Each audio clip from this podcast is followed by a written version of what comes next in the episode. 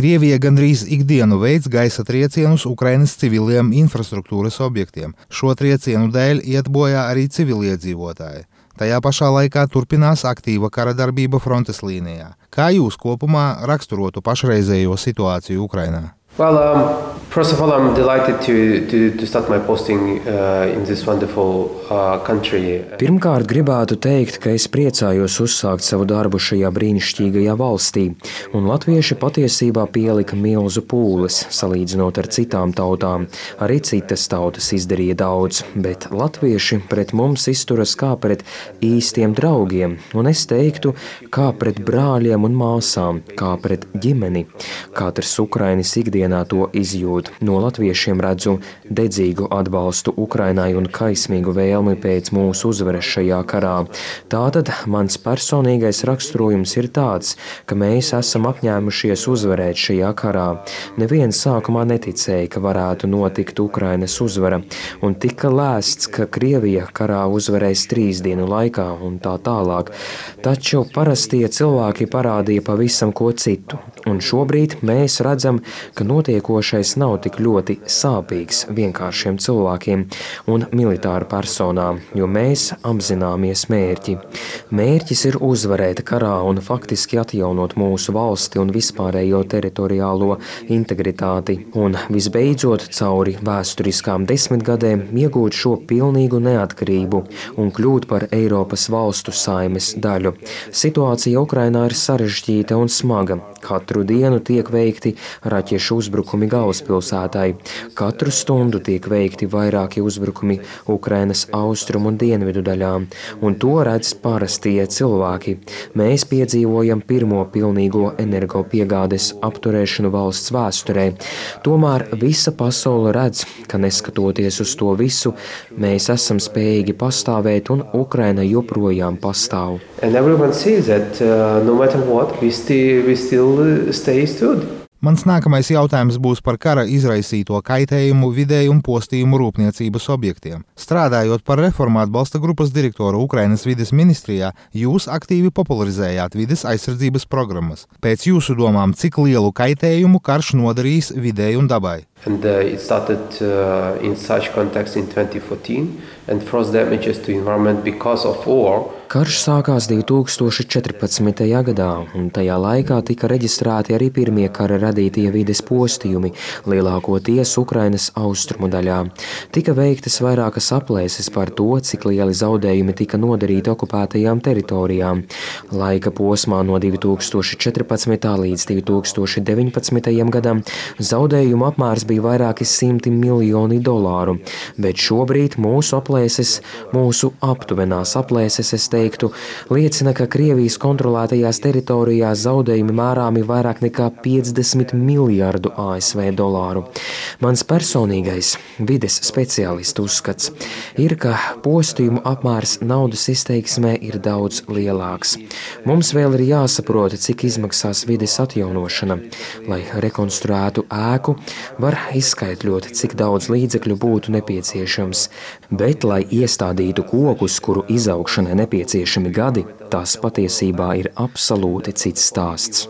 Mans personīgais viedoklis ir, ka mēs iepriekš nesapratām, cik postoši šādi kari ir visas planētas videi.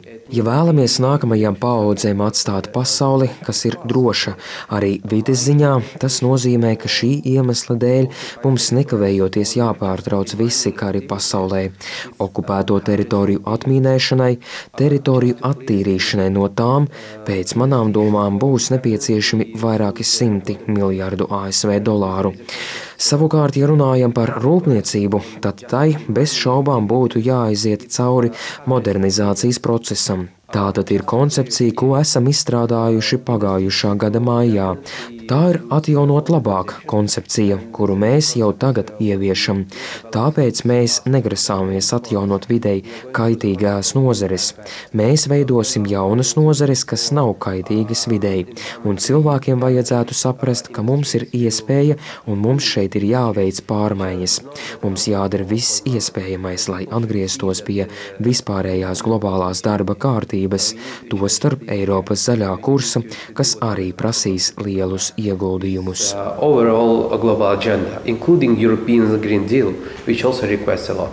ASV ģenerālprokurors Meriks Gārlins paziņoja, ka Kīva drīzumā saņems daļu no Krievijai konfiscētajiem līdzekļiem. Savukārt Ukrainas valdība apstiprināja valsts enerģētikas stratēģiju līdz 2050. gadam, kas paredz plašu iekšzemes energotīkla modernizāciju un decentralizāciju. Vai šīs stratēģijas realizēšanai tiks novirzīta daļa no Krievijai konfiscētajiem līdzekļiem? Yes, absolutely. And even uh, could be reinforced with several uh, explanatories. Jā, absolūti. Šeit man ir daudz jāpaskaidro. Krievijas armijai bija skaitliskais pārsvars pār Ukrainas armiju, taču visa pasaule redzēja, ka mēs vēlamies izdzīvot šajā karā. Pateicoties mūsu starptautiskajiem partneriem un draugiem, mēs esam ieguvuši ieročus, kas mums bija nepieciešami, lai aizsargātu sevi.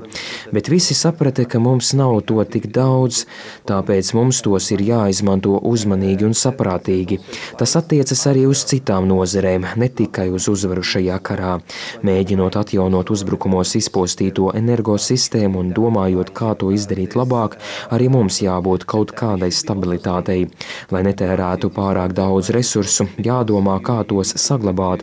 Ir jādomā par ilgtspēju. Iekšzemes energotīkla modernizācijas stratēģija ir balstīta uz valsts atjaunošanas principiem, un viens no tiem ir vides drošība.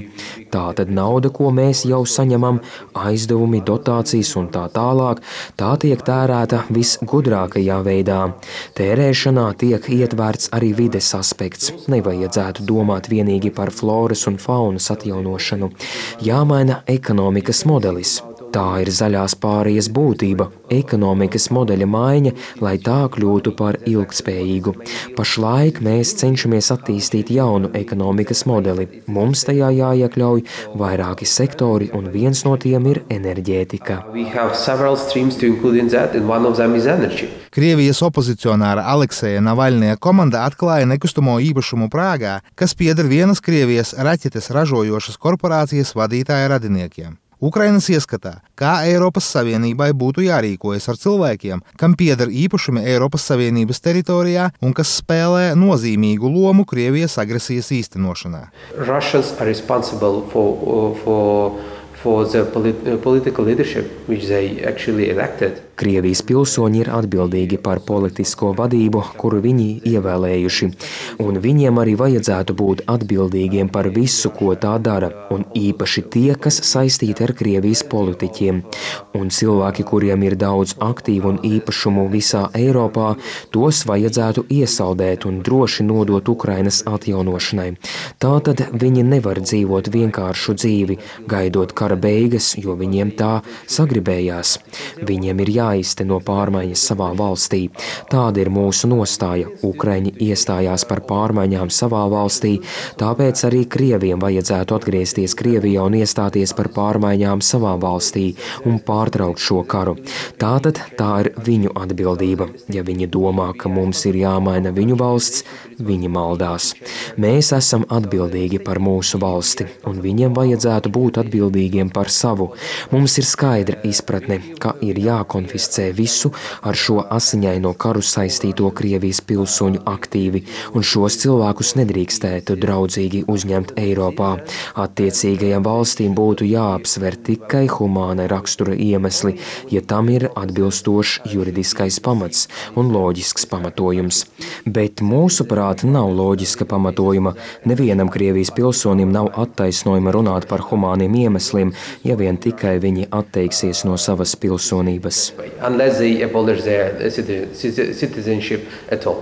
Nesen Ukrainas medijos izskanēja informācija par to, ka bijušais kompānijas Motorsīču vadītājs Vjačeslavs Boguslājevs, kurš tiek turēts aizdomās par sadarbību un līdzdalību agresoru valstī, lūdza viņu iekļaut sarakstā kara gūstekņu apmaiņā ar Krieviju. Kā jūs komentētu šādu notikumu attīstību saistībā ar bijušo šefu vienai no pasaulē vadošajām lidaparātu dzinēju ražotnēm? Well, um, war, uh, totally, uh, say, Kara gūstekņu apmaiņas process, es teiktu, ir pilnīgi noslepenota lieta.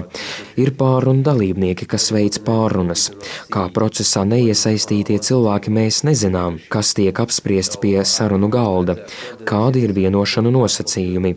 Līdz ar to es, kā vienkāršs pilsonis, pilnībā uzticos valsts vadībai, kas piedalās šāda veida pārunās. Gūstekņu vērtības noteikšana ir viņu ziņā, un sabiedrība pilnībā uzticas valsts vadībai. Mūsu uzticības līmenis militāru personām un vadībai ir augstākais valsts pastāvēšanas vēsturē. Galvenais jautājums šeit ir visu gūstā nonākušo Ukraiņu un teritoriju atgriešana. Visa valstī uzticas tam, ko dara politiskā vadība.